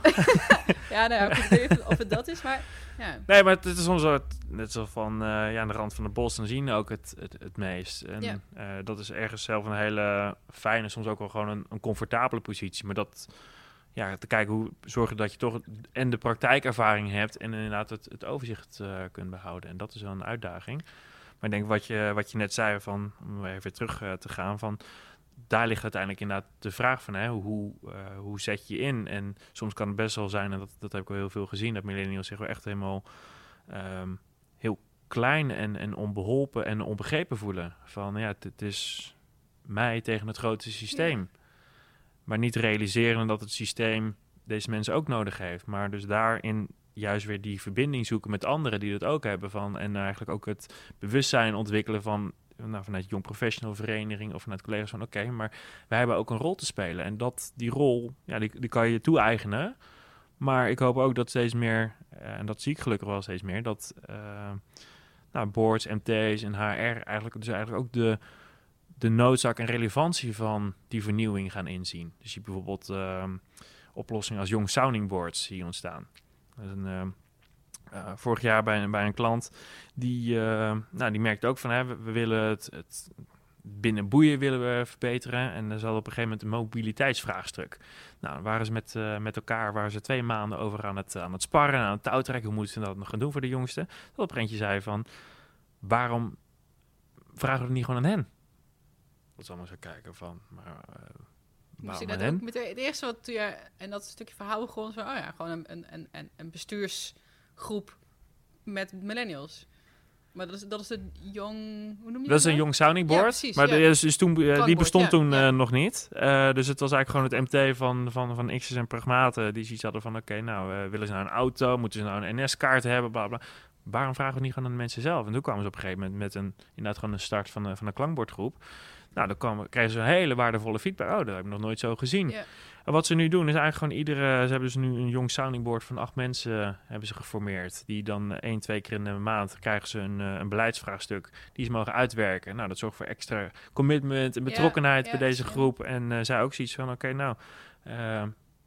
de zaken die voor hen het belangrijk zijn, laten ze dat ook gewoon Ja. lekker zelf. eh, Het is wel mooi, want je creëert een soort van meer open-mindedness bij een bestaand bestuur. Want die zitten toch vaak een beetje vast ehm, in hun manier van doen. Ehm, en inderdaad meer commitment bij de millennial. Oh, leuke, ja, leuke oplossing daarvoor. En je zei dat, dat ehm, straks dat stukje afstemming. Is dit daar een van die voorbeelden van? Van hoe je dat beter kan afstemmen? Of zit het ook in... Of waar, waar zit dat nog meer in? Wat is een stukje verwachtingsmanagement eh, hoor ik eruit. ja. Wat zijn nog meer dingen die je ziet waar, waar veel winst te behalen valt? Ehm, nou, wat ik, eh, wat ik zelf zie is bijvoorbeeld... eh, er zijn gewoon dus een aantal eh, zeg maar spanningsvelden die in heel veel situaties voorkomen. Dus een stukje commitment. Van, nou, dat de millennial die heeft zoiets van... Oké, het werk moet leuk zijn. En terwijl de werkgever zoiets heeft van... Ja, maar er moeten wel resultaten zijn. Maar dit zijn eigenlijk paradoxale werkbehoeften. Van, ja, resultaat zonder plezier, dat hou je ook niet lang vol. En plezier zonder resultaat, ja, dan blijft het te vrijblijvend. Dus de vraag is van, hey, hoe ga je dus met elkaar dus die afstemming eh, vinden? En dat vraagt dus eigenlijk ook veel meer een soort van coachend leiderschapsvorm. Moeten we begrijpen van eerst een behoeftecheck te doen van oké, nou, wat, wat wil je? Wat is de realiteit wat je nu ziet? Nou, en hoe kunnen we dat zeg maar beter die behoefte accommoderen zonder dat het ten koste gaat van de resultaten? En dat is uiteindelijk het gesprek, nou ja, zeg maar even vanuit de transactionele analyse van volwassenen tot volwassenen. Van oké, hoe kunnen wij ervoor zorgen dat jij je werk en leuker vindt en uiteindelijk minimaal gewoon dezelfde resultaten haalt? Ja, en dan ontstaan er vaak ook wel hele mooie ideeën. En eh, creëer uiteindelijk ook veel meer betrokkenheid en bevlogenheid eh, bij de persoon. En zo zijn er eh, nou een, een hele hoop van dat soort spanningsvelden te ontdekken. Van korte en lange termijn, van urgent en belangrijk. Want dat merk ik vaak ook dat uh, nou millennials niet altijd goed het onderscheid kunnen vinden van wat is nou urgent en wat is nou belangrijk. Helemaal met alle mogelijkheden die er zijn. Ja, daar hebben ze een bepaalde ondersteuning uh, bij nodig. Ja, ja. En feedback en feedforward van uh, ja ben je als leidinggever kijk je alleen maar naar wat er in het verleden is gebeurd en wat nog beter kan? Of nou, help je hen ook met een plan uh, voor de komende maand te definiëren en vragen van hey, hoe ga je dat nou doen en wat heb je daarvoor nodig? Veel meer die, die positieve onderbouwing. Ik vind dat urgent belangrijk, dat triggert me wel. Want ik geef zelf ook trainingen, ook bij young professionals, ook Ja. time management trainingen. Nou, gewoon persoonlijk leiderschap. zie jij dit ook vaak echt als een... eh, Nou, wat... ehm, soms verbaast het me. Dan zegt iemand... eh, dat mensen dat iemand bijvoorbeeld in de stress schoot van ja, dan eh, zit ik in een taak en dan heb je geneste taken en dan, hè, want ik ben hiermee bezig en dat triggert me, weet je, voor je het weet heb je tien tabbladen over en ben je en voordat je weer terug kan naar je oorspronkelijke taak. En dat dat mensen heel veel stress geeft, dus Ja. ook een soort van klomp- complexiteit die je aan kan in je, in je taken, maar is misschien ook een stukje je, je dat je je prefrontale cortex misschien nog niet helemaal ontwikkeld is, dus dat dacht ik, oh, dat is bijzonder, dat dat levert de stress op. Ja. Nu ik jou hoor zeggen dat verschil niet goed kunnen zien tussen belangrijk en urgent, denk ik, oh ja, dat benoem ik niet letterlijk zo, maar nu ik jou dat zo hoor zeggen, denk ik, ja, we besteden daar wel aandacht aan trouwens in de training ook, maar ik denk ja, inderdaad, alles wordt als urgent gezien en als belangrijk. Terwijl bijvoorbeeld mail is daar bij mij in de niet urgent, niet belangrijk eh, categorie of social Ja. media. Om even aan te geven, ja, daar staat het eigenlijk. Ehm, dat daar nog wel heel veel winst te behalen valt. Wat is Wat merk je dat zeg maar ook voor de, eh, nou, voor de medewerkers die jij nu zeg in je academie hebt eh, werken? Ehm, die zijn vaak, die ik nu op open inschrijving heb, die zijn ietsje ouder. Maar als ik kijk naar vooral bij de bedrijf, bedrijfstrainingen die we doen, dat zijn meer de young professional, eh, ehm, young professionals. Ja, die, die, die hebben echt last van overwhelm. Van, oh, fuck, weet je wel. Alles kan en alles mag. En ik, krijg, heb ook heel veel vrijheden en ik wil heel veel en ik zie heel veel. Maar ik heb geen tijd. Eh, of ik heb het gevoel dat ik gehaast, weet je, te weinig tijd en ik kom er niet aan Ja. toe. Dus dat spanningsveld tussen, oh, weet je wel, alles kan, maar ik heb er geen tijd voor. En denk ik dan kunnen zien wat echt urgent is en wat belangrijk is en wat niet urgent en wat niet belangrijk is. Weet je, een van de, want we hebben meer dingen, bijvoorbeeld 80-20 en over Ja. perfectionisme. Weet je, je kan natuurlijk heel veel doen om daar wat rust in te, te brengen. Ehm, dat is soms echt een eye-opener voor mensen. Dat is ook zo'n heel mooi, e of, uh, niet een uh, ezelsbrugje, ja, een ezelsbrugje. Het zinnetje, uh, moet ik dit nu doen? Zeg je dat wat? Nee. Um, ik geef hem altijd mee. Ik heb hem ooit zelf in mijn eigen burn-out traject van een, een, coach gekregen. Ook zo van, oh, weet je wel, ik moet, weet je wel, je moet, dat is zoveel, zoveel werk, overwhelm. Hij zegt, als je dat ervaart en je wil zo van, um, kan je dit zinnetje gewoon vijf keer doorlopen. Mo en dan elke keer leg je de klemtoon op een ander woord. Dus de eerste keer is het, moet ik dit nu doen? En daar echt kritisch, moet, moet ik dit echt doen? Weet je wel, ja of nee? Oké, niet, dan doe je het niet. Is het wel, moet ik dit nu doen? Oh, weet je, is het eigenlijk wel mijn Ja, verantwoordelijkheid? Dit, moet ik dit nu doen? Of is er iets anders wat eigenlijk meer prioriteit heeft? En, en moet ik dit nu doen? Kan ik het ook straks doen? Weet je, soms geeft dat al rust. En moet ik het doen? Of kan ik bijvoorbeeld ook delegeren in plaats van zelf doen? Oh, wauw. Dus dat, en doordat je zelf vijf keer die vraag stelt, dan kom je erachter, oh ja, maar eigenlijk moet ik het niet doen, of ik hoef het nu niet te doen, of ik moet het überhaupt niet doen, het is niet belangrijk. Dus dat is even een soort van pauzemomentje, reflectiemomentje op eh, de taak die je dan moet doen, of de overwelm die je ervaart, die je dan wel rust kan geven, waardoor je dingen los kan laten. Heel mooi. En ik denk dat heel veel mensen het moeilijk vinden om dingen los te laten. Een soort van ja, ja. extreem verantwoordelijkheidsgevoel van, ja, ik moet alles nu doen. Zo voelt het soms. Ja. Ja. En dat, besef van, oh, weet je, ik hoef het niet allemaal te doen. Niet alles is belangrijk, niet alles is urgent. En ik zie daar ook wel waarom een boek als The Subtle Art of Not Giving a Fuck zo ontzettend aanslaat. Is om mensen bewust te maken van, hé, hey, maar waar geef jij? Wat is belangrijk? Waar geef je fucks om? Waar zet je je waarde? Waar doe je het voor? En dat daar, dat, oh, ik zou willen dat iedereen dat boek zou lezen. Dat iedereen heel kritisch ook met zichzelf, van ja, wat is eigenlijk belangrijk? Is het belangrijk dat ik met 500 mensen dagelijks contact onderhoud via social media? Of van iedereen weet wat er gebeurt, weet je wel? Eh, nee, ja, misschien eigenlijk niet. Misschien kan ik mijn tijd anders eh, indelen. Heb jij Ja. nog zo'n soort dingetje uit je toolkit waarvan je denkt... Ah, als ik dat met mensen bespreek, dan, eh, dan gaan de ogen open? Dat is een goeie. En dan specifiek zeg maar over rondom time management? Nou ja, maar misschien wel een ander mooi voorbeeld... wa- waardoor je iets wat je hoorde, wa- wat je triggerde... Zo van, oh ja, ik heb ook zoiets waar mensen altijd... Ding! op Oeh, dat, is, eh, dat is een hele goeie. Ehm ik ga er even mijn achterhoofd nee, nog is eventjes bij, eh bij me op terug. Nou, Maar misschien is het wel goed als jij... Wat is het verschil tussen urgent en belangrijk? Wanneer is iets urgent en wanneer is iets belangrijk? En hoe kan, je, hoe kan dat onderscheid snappen, zien, ervoor zorgen dat je minder overwelm of minder stress ervaart? Ja, het is eigenlijk een eh, model volgens mij van, van Stephen Covey in het boek van de Seven Habits eh, die het hier over heeft. Van uiteindelijk een, door een kwadrant te maken van eh, urgent en, en belangrijk. Van nou, wel urgent, niet urgent, belangrijk, niet belangrijk. En wat hij in ieder geval zegt van oké, probeer zoveel mogelijk gewoon tijd te besteden aan wat niet urgent en, en belangrijk is. Eh, want dat zorgt uiteindelijk voor de, nou ja, de flow in, in je leven. En hoe bepaal je of iets belangrijk is? Want dat is natuurlijk dan de hamvraag, want Ja. al, alles is belangrijk. Ja. En dan werkt die matrix, dus volgens mij is het de ijzerhouden matrix. Eh, hoe heet, zo heet dat eh, dingetje. Ja, Als alles belangrijk is, dan, weet je, dan heeft heel time management ook bijna geen zin. Want da- dan blijf je die druk ervaren van ik moet dit doen. ja dat is een goede vraag. Hoe- ja. Van hoe bepaal je van wat belangrijk voor ja. je is? Nou, als ik in ieder geval kijk naar mijn, naar mijn eigen leven, dan, eh, dan kijk ik in ieder geval van, ik heb, eh, ik heb een aantal waarden, ik heb een paar doelstellingen per, eh, per jaar, per kwartaal, nu per maand en zelfs per week. Ja. Waardoor ik nu voor iedere week, ook gewoon per dag nu een, een ding van, oké, nou dit zijn gewoon de drie doelstellingen van, van vandaag. Ja. Dus eh, ook wel een mooi inzicht gehad van, van Tibor. Ja, Ken je hem? ja, Ja. twee keer ook eh, gesproken in de podcast. Ja, één, één- de laatste moet nog uitkomen. Ah, tof. Komt over twee weken, eh, gaat over man en vrouwen relaties eh, hebben. Oh, leuk. Ja, ja. Leuk. Nou, wat ook eh, een van de dingen die ik bij hem wel heel mooi vond, zeg van oké, wat eh maak een, nou zeg maar even je to-do-lijstje van vandaag, maar noem dan punt 1, punt 3 en 4. Dus niet zozeer van oké, nou dit, dit wordt helemaal echt gewoon van oké, wat als dit vandaag niet af is, dan heb je eigenlijk gewoon een klote dag. Ja. Dat je dan zegt oké, wat moet, moet, moet. Ja. En dat je dan zegt, nou als dat gedaan is, zorg dat je er ook inderdaad gewoon gelijk mee begint. En dat niet eh, je mails of je social media of eigenlijk alles checken. Begin gewoon met dat, dat je in ieder geval gewoon een vliegende start van de dag hebt. En ga dan naar puntje 3 en punt 4. En dat heeft voor mij in ieder geval gewoon heel veel rust gegeven om te zeggen van oké, wat, ja. Ja. wat mag gedaan worden.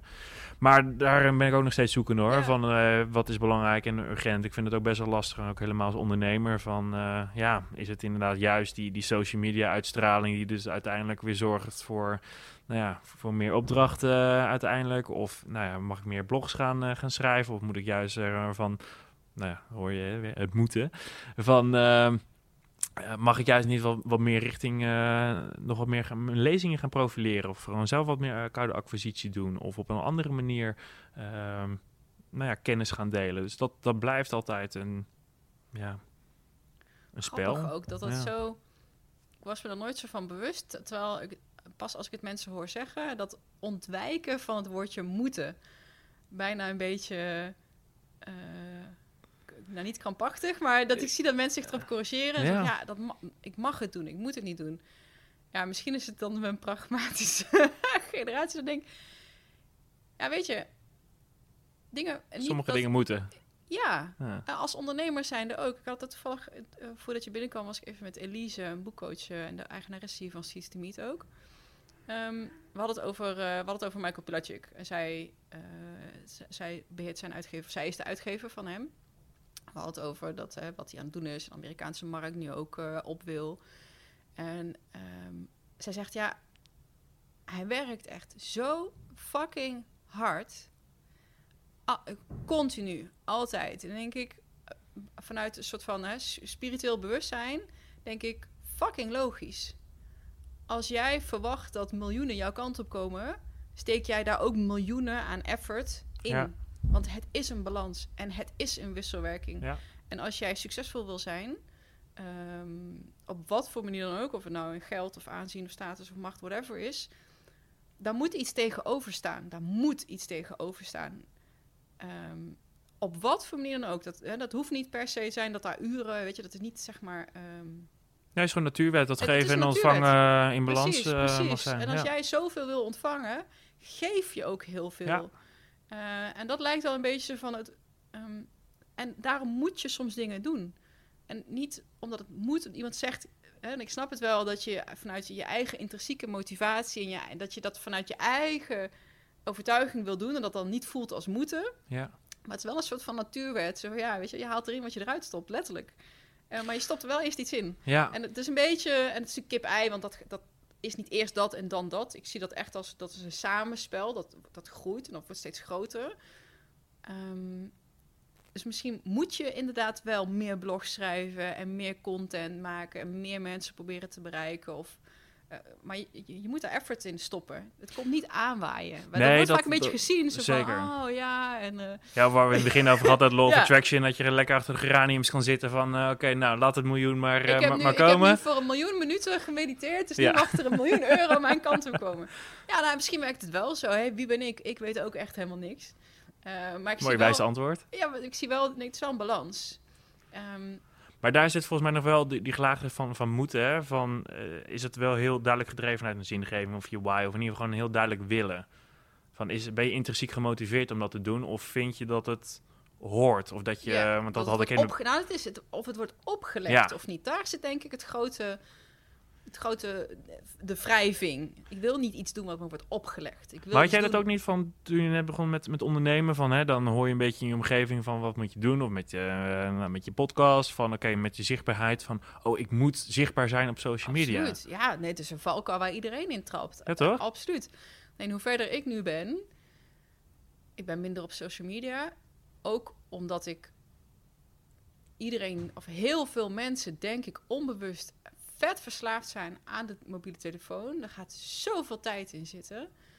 Hoeveel fantastische dingen kan ik doen als ik niet aan die telefoon gebonden ben? En ja, er komt heel veel binnen, maar het, het, um, is ik, mijn focus is er een beetje van weg. Ja. En ik denk, welke grote succesvolle ondernemer is bezig met zijn Instagram-profiel uh, pimpen? Nee, die zijn bezig met datgene doen wat ze moeten doen om Ja. succes te ervaren. Volgens, ja, ik denk echt wel dat het kan hoor, via social media. En voor mij is dat een beetje luchtkastelen bouwen. Zoals ik straks ook zei. Van, Ja. nee, het, is, het is het beeld bouwen, maar er moet ook iets achter zitten. Het is niet alleen het, het, het Nou, en ik geloof, luchtkasteel. ja, en ik geloof dat daar... ehm, als we nog even de koppeling maken met, met millennials, daar al iets meer, ik noem maar even het, uh, het telcelfilter voor hebben ontwikkeld. Van, uh, nou ja, dat je wel de, je eigen bullshit filter al heel snel hebt. Dat het dus bij eh, generatie Z nog, eh, nog sterker is. Maar dat dat zeg maar eigenlijk ook de, de, de komende jaren echt gewoon de spoeling gaat zijn. Van oké, wat is er inderdaad nou Ja, nu echt, wel, wie zijn er echt geïntegreerd? eh, walk the talk, ja. Ja, ja, nee, dat wordt steeds belangrijker. Juist omdat het zo makkelijk is om die luchtkastelen te bouwen. Zeker. bedoel, iedereen met een mobiele telefoon kan nou ja, zichzelf voordoen voor eh, wat je ook maar wil zijn. En dat is prachtig, want je kan jezelf soort van identiteit aanmeten en alvast een beetje voelen, ja, past dit bij me? Dus je kan er heel mooi mee experimenteren. Maar je moet echt in hier, in het hier en nu, Ja. je ding doen. Ehm, een van de andere dingen die je triggerde, en vond ik mooi dat je dat zei, is een, ja, een volwassen gesprek. Een gesprek van volwassenen tot volwassenen.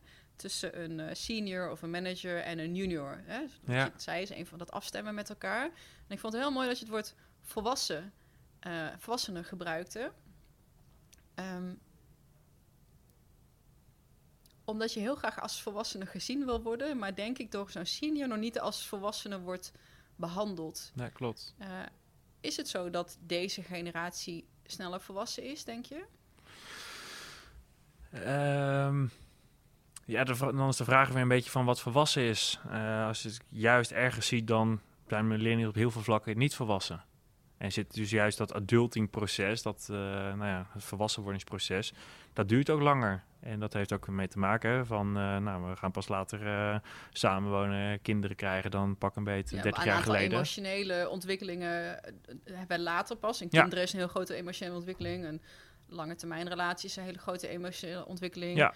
Ehm, wat is er net later gebeurd? Ja, nee, dat, dat, dat snap Dat wel. Ja. Maar tegelijkertijd bijvoorbeeld een stukje persoonlijke ontwikkeling. Dat gebeurt, eh, heb ik het idee wel, op jongere Veel leeftijd. jonger dan Ja. ooit. Dus dat zijn een beetje twee tegenstrijdigheden van... eh, nou, enerzijds kan je kan zeggen van... Hè, ze, ze zijn al sneller volwassen... maar doordat zij ook minder snel... eh, of minder met tegenslagen zijn omgegaan... en eigenlijk is ook pas later echt die verantwoordelijkheid... voor, voor anderen, voor, voor kinderen en alles hoeven te nemen...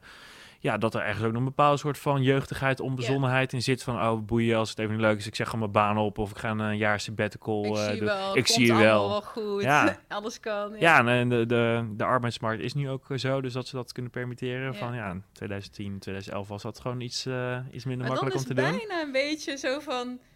hey, je wil als volwassene worden gezien en behandeld... maar ben je het al? Ja, En dat is heel, eh, niet, niet cru of kritisch bedoeld, maar gewoon echt puur vanuit openheid, uit interesse. Zo van, ja, ik snap wel dat er een laag is die een beetje tegenduwt en een beetje weerstand biedt. Van ja, eh, ehm, ga die hard, ja, je, je moet jezelf ontwikkelen. En wa- Wat ik soms in trainingen probeer duidelijk te maken is ook, eh, juist dat stukje doelen stellen en je tijd en energie uitgeven, daar gaat onze, onze training over heel vet dat jij ook, weet je wel, dat zei van hey, nu ik met die doelstellingen werk, wordt het voor mij ook makkelijker om dat urgent en belangrijk uit elkaar te houden. Ehm, maar is dat wel heel erg, iedereen wil een soort van, oké, ik sta nu hier, dat is het plaatje wat ik voor me zie en ik wil daar zo snel mogelijk komen. ja. Ja, de kloof over. Nee, nee, nee, we moeten de kloof in. Zo diep mogelijk. En daar zoveel mogelijk shit mee maken. eh, obstakels, eh, eh, moeilijkheden. Want daar word je gevormd. Daar wordt je persoonlijkheid, je karakter, ja, je, je, je, je competenties worden daar Ja. gevormd. Anders ben je nog echt heel groen en heel jong. Het is niet dat je dan niet waardevol bent, maar er zit heel veel waarde in ook met je voet, ja, gewoon hier ehm, lessen leren. ja, zeker. Maar herken jij bijvoorbeeld ook... ehm, eh, nou, veel millennials hè, die vinden ontwikkeling belangrijk.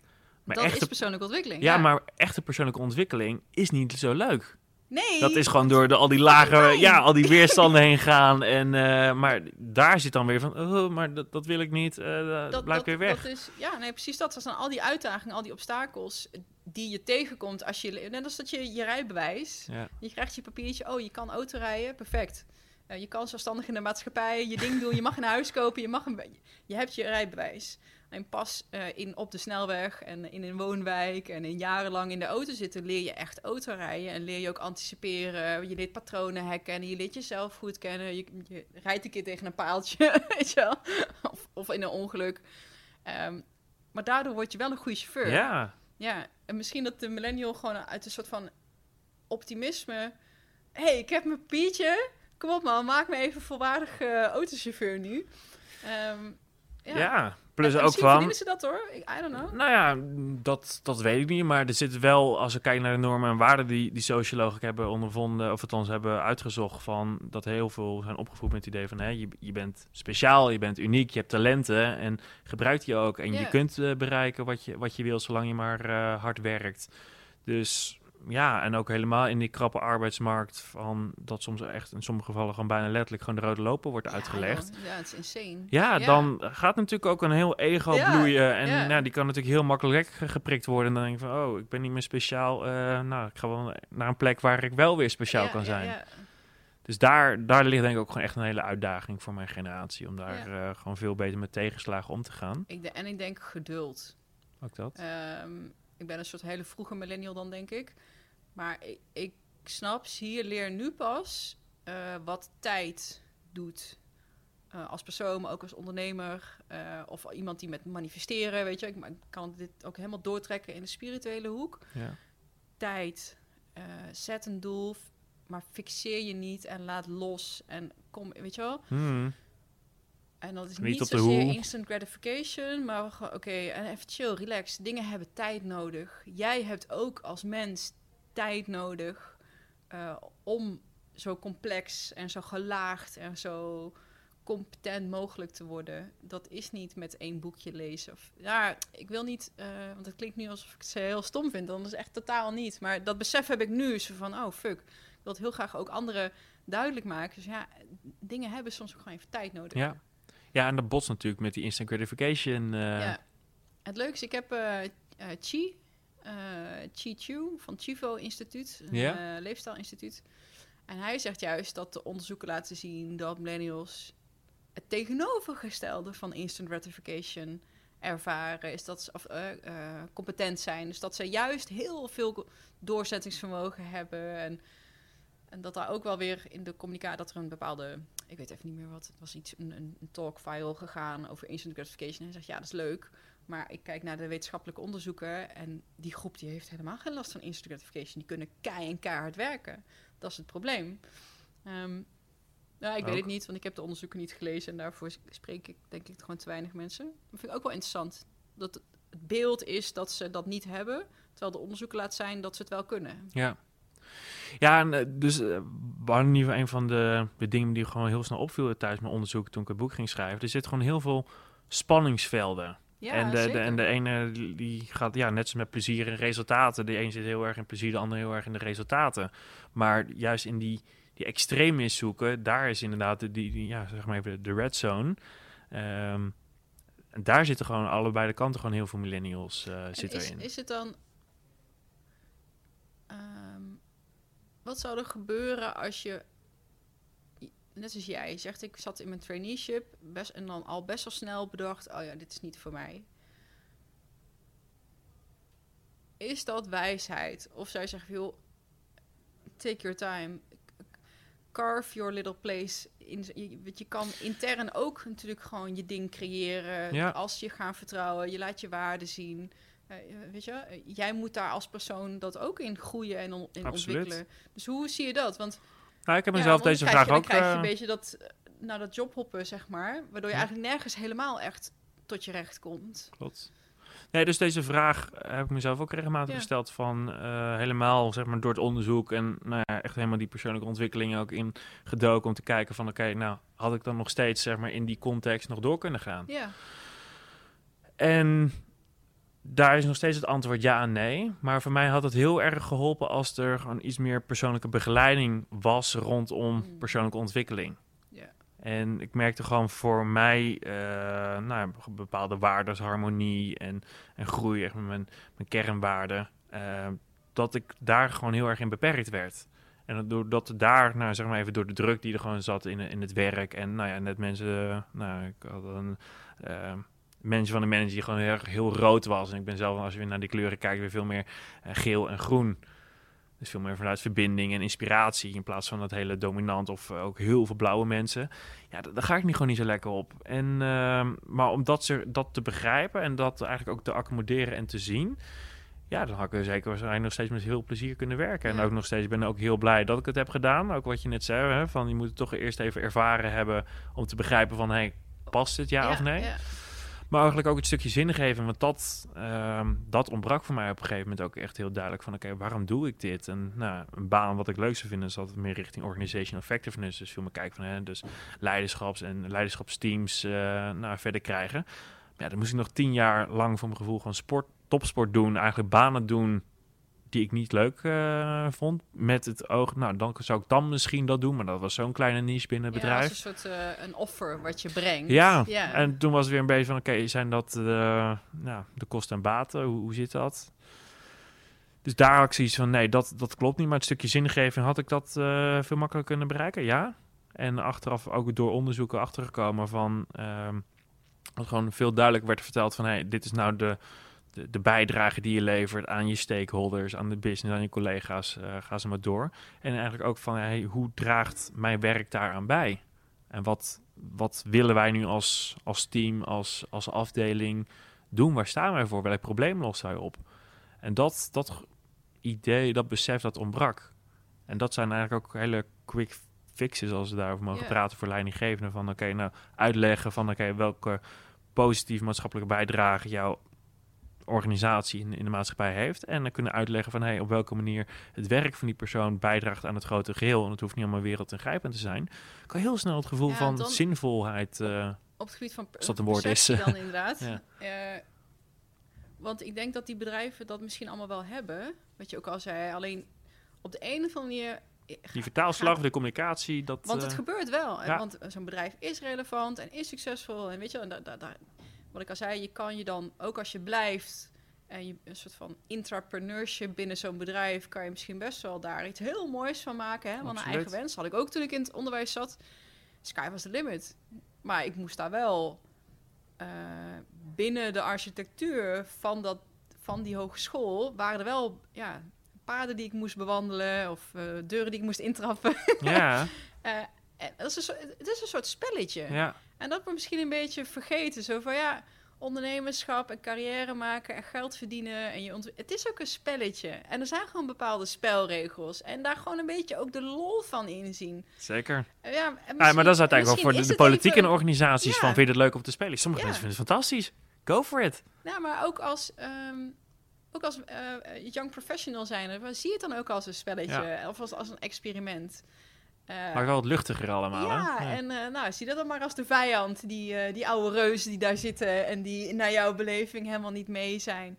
Nou, maak er maar een spelletje van. Hoe krijg je die mee? En hoe zorg je dat je hier in plaats van heel snel afhaken, zeg maar. Ja. Zo van, oh, ik ga mijn geluk elders beproeven en dan ga je ergens anders naartoe. is ook weer exact dezelfde situatie Ja. natuurlijk, want daar heb je ook. Dus je kan beter misschien gewoon blijven. Van, het ligt natuurlijk aan hoe groot zo'n bedrijf is. Ehm, ja, ik vind het interessante, leuke dingen om over na te denken ook. En ik, ik weet het antwoord niet, maar ik vind het wel leuk om... Goh, weet je wel, als jij dit hoort, denk je... Ja, volgens mij kunnen ze daar wat mee. Of nee, weet je, dat, dat, dat zou echt totaal niet eh, een oplossing zijn. Of, Nou, volgens mij is een stukje perspectief wel heel belangrijk. dat is waanzinnig belangrijk. Ja. En eigenlijk dus door dat gebrek aan perspectief, of noem, het- noem het afstemming, wat ik eigenlijk het gebrek aan heb ervaren en eigenlijk aan beide kanten zie van zowel bij de medewerker als bij de werkgever van hey, als die afstemming niet is, wat het kost hè, qua energie, qua tijd, Elke keer geld. opnieuw moet moeten inwerken. Ja, dat is Daar bizar. Word je, daar word je echt doodongelukkig van Ja. als eh, werkgever zijnde. Nee, dus er zit voor mij ergens ook een drive om te zeggen van... oké, misschien heb ik het zelf niet ervaren... maar laat andere mensen het alsjeblieft wel eh, ervaren. En ook wat je, wat je net zei, vond ik nog wel een grappige nog een anekdote... eh, nu met, eh, met Millennial Lift, eh, dat is een, is een platform eh, voor persoonlijke ontwikkeling en begeleiding van millennials. Ze zijn allemaal met nou ja, professionals, experts uit de markt, eigenlijk een keurmerk neerzetten van Millennial Lift. Millennial Lift, ja. Omdat we merken van, hè, er zijn zoveel coaches. Ja. ehm, nou ja, die soms ook allemaal de, de, om de kruimels van het vechten zijn. Maar ook voor de werkgever van, oké, wat is nou een goede trainer en coach? Voor die millennials zien we ook dat er een sterke ontwikkelingsbehoefte zit. Maar hè, welke trainer, eh, welke trainingsprogramma is ja, nou en dan goed? word je helemaal, want dan ga je googlen en dan is degene die het mooiste luchtgestel heeft Ja, gebouwd, precies. staat bovenaan. Maar ja, dat is maar een gok gewoon. Dat, dat, dat, dat weet je niet. Ja. Dus dat, eh, dat zou we nu aan samenbrengen. En eh, nou, vorige week hadden we een kick-off bij een grote gemeente in, hier in Nederland als, als opdracht. En er was op een gegeven moment ook van, nou ja, de gemeente staat natuurlijk bekend om de, de grote bureaucratie. En nou, eigenlijk ook dus die, die, jongste garde, de trainees, die ook zoiets hadden van, ja, het is af en toe wel uh, wij, uh, wij tegen de rest. Maar goed, daardoor ook in een, ook in een soort van negatieve fixed mindset uh, terechtkomen. Op een gegeven moment, nou, stelde ik de vraag van, oké, maar hey, die, ehm, die negativiteit, want dat, dat ervaren jullie ook van die oudere collega's, van dat jullie jullie beperken, jullie tegenhouden, oh, dat idee hebben we lang geprobeerd, laat maar, of wij weten het beter, bla bla bla. Van oké, okay, maak er nou eens een persona van. Nou, er kwamen twee namen op, Leo en, en Els, dat dat zeg maar de, de twee uh, gemeentebureaucraten waren. En iedere keer als zij dus een, een eigen fixed uh, mindset of het als een beperkende overtuiging uh, deelde, dan was het zo van, hey, hoor ik nou Els of horen we Leo praten? en dat zorgt wel voor iedereen van, oh ja, maar het is inderdaad niet wij, zij. Het gaat uiteindelijk veel meer om die samenwerking en, ja. en die afstemming. En uh, laat je inderdaad niet leiden of weerhouden door het systeem. Tof. Ik vind het heel gaaf dat er een initiatief ontstaat als een soort van keurmerk willen zijn in dat veld. Uh, te gek. Als je wil, kan ik daar ook. Uh, ik weet niet of dat al helemaal live is, om daar in een linkje over op te nemen. Um, ja, heel graag. Nee, ja. tof. Wat, uh, nee, we zijn nu met, uh, een van de dingen die we nu zijn aan het, uh, waar we komende maand live mee gaan, is een expert community. Dus we zijn met een aantal, nou, zeg maar, millennial experts die eigenlijk heel leuk vinden om gewoon met elkaar content gewoon uit te wisselen. Echt gewoon kwalitatief goede content. Die wij aan oh, eigenlijk onze partners, want het zijn eigenlijk ook allemaal nou, ZZP'ers en, ja. en losse bedrijven bij elkaar. Zeggen van, hé hey jongens, laten we nou met die taart gewoon met elkaar bedienen in plaats van erom te gaan vechten met elkaar. Ja, ja. En, en waarom kies je dan niet voor, en dat is even als ondernemer zijnde, want ja. wij hebben een training, lifecrafting uh, training, um, bieden bijvoorbeeld in het onderwijs aan als een soort van parallel traject. Juist omdat je dus, hè, dan, en dan ben je afgestudeerd en dan ga je werken en dan mis je een hele hoop skills waar we het vandaag over gehad hebben. Dus onderwijsland ziet dat ook. Ik ben heel, heel, heel trots dat dat bijvoorbeeld bij Saxion en Erasmus echt als uh, in het curriculum wordt aangeboden. Oh, wow. Um, waarom kies je dan bijvoorbeeld niet voor, waarom ga je niet als, voor een accreditatie bijvoorbeeld? Want er zijn natuurlijk keurmerken. Ja. Je kan uh, CRKBO, dus als je echt als kortdurende opleiding kan je zelf accrediteren. Dat is ook een waardestempel. Je kan je uh, ICSF uh, coach certificaat, weet je, dan heb je Nopco, ook een bepaalde ja. NOPCO. Er zijn, er zijn natuurlijk, en waarom dan voldoet dat dan niet? Of, of, of kwam de behoefte ergens anders vandaan? Uh, nou, het is, het is tweeledig. Van, kijk, uh, hoeveel Nopco-trainers uh, zijn er in, in, of coaches is natuurlijk de, de Nopco. Um, dat, dat geeft een standaard. En ik denk dat het ook een, een hele goede is. Maar wat we merken van, oké, okay, maar niet iedere coach heeft weer ook heel veel kennis en begrip van de millennial doelgroep. Ja, dus echt heel specifiek. Ja. Eigenlijk, wil je, eigenlijk willen jullie ook je persoonlijke ontwikkeling voor. Ja, eigenlijk ja, wel. Ja. En nou goed, ook warme contacten dan met uh, nou, JC Marks, de eigenaresse van een coachnetwerk. Die heeft ook gezegd van, oké, okay, nou, ook iemand binnen haar geleden is nu de voorzitter van, van een NOPCO. Dus er zijn wel gewoon heel veel kruisbestuiving om te zeggen van, hé, hey, we willen gewoon echt dus die kwaliteitsborging hebben. Dat gewoon zowel de, de opdrachtgevers als ook de millennials gewoon weten van... hey, dit zijn gewoon goede partijen om mee te werken. Ja, ja, misschien eigenlijk ook gelijk... Uh, jou eens even gaan, gaan praten om te kijken van hey, hoe jullie die dienstverlening... Want dat sluit natuurlijk ook wat je net zegt voor de young professionals. Dus kan het heel goed aansluiten. zeker. En ik vind het zo tof, want ik was laatst bij New Life University... Um, Anatol Kuspeta. En die doet dit al 25 jaar. Die denkt, en die vindt het helemaal geweldig. En ook met hem erover gehad, weet je ik geloof ook totaal niet in concurrentie of in. Ik denk juist dat er nog veel meer van dit soort goede, kwalitatieve, met inhoud initiatieven nodig zijn omdat dit zo'n groot probleem is. Ja. Er zijn, of ja, weet je, burn-out is een groot probleem als je gewoon kijkt naar wat het ons kost. Um, als staat, maar ook als persoon, als maatschappij. Gewoon het hele.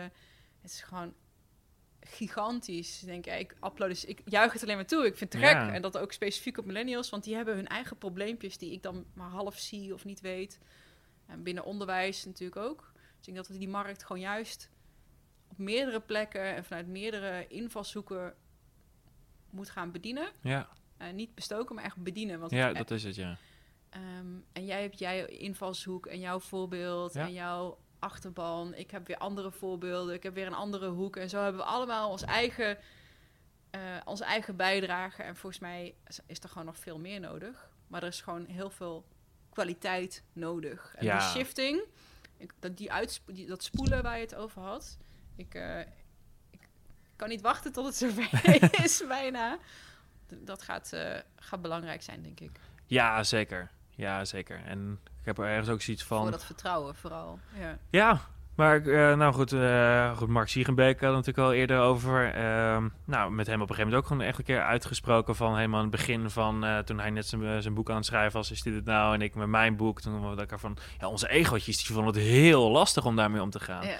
Maar wel zoiets van, oké, gaan wij zeg maar zoals het altijd is gegaan, hè, dat we de concurrentie, of gaan we op een gegeven moment samen iets doen? Nou, samen nog een keer een training gemaakt. En nou, ze hebben het nu eigenlijk ook van, met eigenlijk andere coaching experts. Ja, eh, dat de ene keer die, die krijgt de opdracht van, Ja. van de ene of de ander. Maar inderdaad, die, die synergie van samenwerking. Volgens mij gaan er nog iets meer staan. Ja, zeker. Ja, Absoluut. Is toch volgens mij een soort van nieuw werelddenken. En dan juist als we het hebben over nieuwe generatie, hoort dat eigenlijk ook gaan bij. En als wij het niet kunnen, ja, dan, eh, dan zegt dat eigenlijk ook wel heel veel. Ja, en, eh, en het is toch wel een beetje regionaal. Kijk, het lijkt alsof iedereen de hele wereld kan bedienen. Maar wij geven trainingen in een bepaalde sector, weet je wel, in een bepaalde regio. Iemand anders doet dat ook weer. Dus zo ehm, maken we het dekkend Ja, of zo. ja In mooi. alle sectoren en alle doelgroepen. Wij zitten meer in de IT, iemand anders zit misschien meer in de zorg, weet je wel. En zo hebben we allemaal... Het is belangrijk dat we wel een soort van kwaliteitsnorm inderdaad gaan hanteren. En ik denk, waar we naar op zoek moeten gaan... is niet zozeer een kwaliteitsnorm van... oh, weet je wel, ben je coach of hè, NOPCO, accreditatie... maar inhoudelijk. Ja. Klopt het wat je zegt? Want er is... Iedereen kan alles online gooien Zeker. eh, een bouwer, maar eh, en ja, dat mag best wel innovatief en nieuw zijn en zo. Maar ik denk dat het vooral in de inhoud zit. Dat we elkaar op een of andere manier elkaar daar een soort van bullshit detector eh, label. Zo van de ja, Nou, daarvoor is Shivo bijvoorbeeld ja, heel mooi. Oké, weet je wel. Oké, next. Ja, Ik wil niet zeggen dat ik dat, dat mensen die daarin geloven, dat ik dat een oordeel over heb of zo. Maar denk, ja, is misschien niet eh, het hele verhaal, laat ik het zo zeggen. Een van de andere dingen die ik je hoorde zeggen, en die eh, vind ik ook wel interessant. Je zei de, de why, en net ook, toen zei een stukje ego toen we dat samen gingen werken. ja. Ehm, ik denk dat dat hele why, dat Simon Sinai's verhaal, dat het in spiritueel, vanuit, in ieder geval vanuit het spiritueel eh, perspectief, gewoon fucking bullshit is. Vanuit welk punt? Want waarom, Mhm. het waarom, is zoals ik het nu zie, is echt 100% ego. Dat wil een betekenis en een reden Ja. en dat moet belangrijk zijn. Weet je, dat, dat why. Zo van, oh, weet je, mijn missie en dit, dat is de reden waarom. I don't fucking care waarom. Het, wat ik belangrijk vind is wat je me laat zien en wat je mij leert. Waarom je dat doet? Ja, leuk dat jouw ego daar helemaal eh, zich in kan vinden. Maar het is ook maar gewoon een ego-dingetje. Maar ja, Ja, ik, toch wel hard ik, om te ik zeggen ik voel dat waar je zit. eh, Ja, nee, maar ik vind het ook wel leuk. bullshit Even gewoon zo'n... Maar gewoon eh, even zo, iedereen is bezig met hè, zo'n why. En dan worden er weer die hele mooie luchtkastelen Ja. gebouwd. En ik denk, laat Ja, het maar ja, zien. Doe het maar. En leer mij hoe je het moet doen. Ik denk dat we daar heel veel behoefte aan hebben. Dat er heel veel getheoretiseerd is en gefilosofeer en hele mooie boeken. Ja. En dat mensen heel erg op zoek zijn naar... oké, fijn, mooi, dankjewel voor de inspiratie... maar hoe doe ik het dan? Ja. Wat is de grootste ehm valkuil of wens of behoefte... als mensen met jou gaan samenwerken? Wat is, wat is de grootste trigger voor hun om aan de slag te gaan? Ah, 9 van de 10 keer is de aanleiding eigenlijk altijd dat het verzuim en het verloop van millennials Ja, dus hoog is. Gewoon een eh, kostenplaatje Eigenlijk het kostenplaatje, dat is gewoon, ja, de, dat, dat doet vaak gewoon het meeste pijn. Ja, en dat ze zeker. dan eigenlijk gewoon wakker worden van, oké, maar hoe zit het dan? Dat dan zoiets van, oké, we, we moeten iets, maar wat? Of hoe moeten we dat doen? En hoe ze, nou dan, eh, vaak begin ik eigenlijk met een, eh, soort van kleine scan eh, te maken van, oké, nou, waar zit het probleem? Zit het eh, nou, echt in de generatiekloven? Hoe is de, hoe is de organisatie opgebouwd? Zit het in een stukje leiderschap? Zit het in de dienstverlening? Zit het in de arbeidsvoorwaarden? Er zijn natuurlijk zoveel haakjes en eh, eigenlijk oorzaken te vinden. Maar wat ik wel vaak merk is dat ze zeggen van nou weet je, we hebben al best wel een hoop geprobeerd, maar het lukt niet echt. En dat is dus omdat vaak weer dus eh, vanuit die valkuil, omdat het dus weer top-down wordt geïmplementeerd en niet en daar ge- eigenlijk dus geen afstemming is. Ja. Dus uiteindelijk zit daar veel meer de oplossing van... oké, vraag nou eens echt van... oké, wat speelt er en hoe kunnen daarin elkaar tegemoet komen... zonder dat nou ja, de werkgever het bestaansrecht moet opgeven... of dat, het, uh, nou ja, dat alleen maar ballenbakken in, in de organisaties hebben. Oh, het lijkt me zo leuk om te doen. ik zie, dat, dat is gewoon een puzzeltje elke keer. Je staat binnen het boel analyseren. Het lijkt me echt heel ja, tof. Ja, ik vind het fantastisch. ja, dus het voelt ook helemaal niet als, als werk. Dus ook achteraf, hè, van had ik nog uh, kunnen, kunnen zitten. Absoluut. Maar ik ben wel echt heel dankbaar hoe het leven zo is gegaan. En uh, dat vond ik ook een mooi wat je net zei van, van je why. Van, nou, ik ben op een gegeven moment uh, na een ayahuasca-ervaring ook wel eens een keer een, nou, dat voor mezelf echt gaan, gaan formuleren. Um, maar uiteindelijk ben ik nu wel steeds meer weer in het proces van... oké, nou, vertrouw maar gewoon op het leven, wat het je, je brengt... en zorg dat je in ieder geval de signalen van het leven gaat en herkennen. Niet continu, want dat is wat onze hoofd... want ik mediteer bijvoorbeeld ook veel... is dat, dat self-authoring, dus dat, dat hoofd... Dat, dat eigenlijk al zijn eigen levensverhaal aan het ja. uh, schetsen is... terwijl je de dingen aan het doen bent... die is degene die Um, het belangrijk en waardevol. Ja. Weet je wel, die, die is daar een boek over aan het schrijven en iedereen moet het weten. En, uh, uh, maar dat is allemaal dat, dat, dat stukje ego. Terwijl, ja. oké, um, al kijkt niemand ernaar, weet je wel. Al bereik ik er helemaal niks mee. Als ik, uh, ik het doel vanuit een intrinsieke, dat ik denk, oh, ik, ik, ik, lever een bijdrage. Ik maak in ieder geval mijn wereld mooier en daarmee ook jouw wereld mooier. Ja, hoe cares waarom je dat doet? Ik zeg niet dat, ja. dat een, een, missie hebben niet. Dat, maar ik, bewust, ik heb hem bewust even scherp ingestoken. Nee, ik vind het heel mooi. Maar uiteindelijk heb ik ze doen eigenlijk ook gewoon de meeste respect voor zeg maar de, de vrijwilligers die uh, van, van mantelzorgers of eigenlijk in, nou, in, in buurten waar nauwelijks naar om wordt gekeken, dat die mensen dat werk doen. Yeah. Eigenlijk gewoon belangeloos, onbaatzuchtig. Um, ook wel ja, nee, ik zou, ik zou willen dat ik dat meer ja. uh, kon doen. Maar er zit voor mij ergens ook nog gewoon een, nog een, nog een ego-stuk of gewoon een behoeftestuk van... hé, hey, ik, uh, nou, ik heb eigenlijk ook nog andere... Ik wil nog heel veel van de wereld zien. Nou, daar heb je inderdaad ook uh, de, de, de, middelen voor nodig. Dus zo constant een afweging. En daar wel gewoon eerlijk in durven zijn. Dat is wat ik soms ook wel eens zie... Um, of nou, een leuk voorbeeldje wat wij in de training geven is dat uh, ik ben personal trainer geweest, weet je wel. En dan vragen mensen, oké, waarom kom je trainen? En dan hoor je hele mooie redenen. Sterker, fitter, gezonder, ik wil lekker relaxen. Ja. Nou, dan ga je iemand trainen, bijvoorbeeld uh, zodat hij uh, wat minder stress heeft. En dan na een maand of zo, of na een uur, vijf minuten, hoor je waar iemand echt, echt, echt bij jou komt. En dan is het eigenlijk 99% van de reden is gewoon, ja, ik wil er naakt goed uitzien. Mm. Ja, ik wil aantrekkelijk zijn in de slaapkamer of op het strand. Of denk ik, makes perfect sense. Geen oordeel. Ik snap het helemaal. En power to you, weet je wel, dat is belangrijk. Want een sexy lichaam is meestal ook een gezond lichaam. Hè? Dan, dan ja. zie ik wel iemand voor me die in shape is, bijvoorbeeld. Maar als dat is wat je echt wil, dan zijn er hele andere strategieën die jouw personal trainer of jou gaat laten doen. Als dat je zegt, ja, ik kom hier om te relaxen. Ja. Weet je, dan krijg je een kopje thee, dan was je dag, weet je wel. Dan ga je een hele andere soort training doen. Als je zegt, ja, ik wil er anders uitzien. Oké, dan gaan we dan wil ik weten wat je eet. En dan gaan we zware dingen optillen. Dan krijg je een hele andere behandeling. En als jij zegt, ja, maar mijn, ik wil die reis maken en ik heb daar geld voor nodig. Dat is een andere strategie als, oh, dit is mijn missie en ik wil zoveel mogelijk mensen helpen. Ja. Want dat heeft feitelijk nog eigenlijk helemaal niks met geld te maken. En dat durven ownen en zeggen, ja, oké, weet je, dit is gewoon wat ik wil. En alles is oké, weet je. Ergens, hey, als jij uh, drie ton wil om uh, drie uh, jaar de wereld over te reizen, hey, ik hoop dat je lukt. Echt waar, geweldig. Doe je ding. Maak mooie content. Inspireer mensen. Word een beter mens. Maar zeg toch gewoon, ik heb drie ton nodig. en niet, oh, ik wil mensen inspireren. ja. Fuck dat luchtkasteel, gewoon uh, to the point. Ja, van, uh, ja oké, okay, dan ja. toch wel weer dat pragmatische. Misschien moeten we, moeten, we moeten wat vaker gaan praten met uh, de, de, pragmatisten, met, met de millennials. Ja. Nee, maar ik vind het wel mooi. Het vraagt natuurlijk gewoon een radicale eerlijkheid naar jezelf. Maar dus uiteindelijk ook naar de mensen om je heen. En er zit natuurlijk wel een angst van, oké, okay, maar hoe? Wat nou als ik nu zeg van, uh, ik wil inderdaad uh, drie ton uh, hebben. Gaan mensen dan nog wel wat dingen van me afnemen? Of denken zo dat die denkt alleen maar aan zichzelf? En, Weet je, het is, um, mijn stelregel, stel, stelregel is don't oversell, over deliver. deliver. Ja, mooi. En um, als jij iets kan bieden wat drie ton waard is,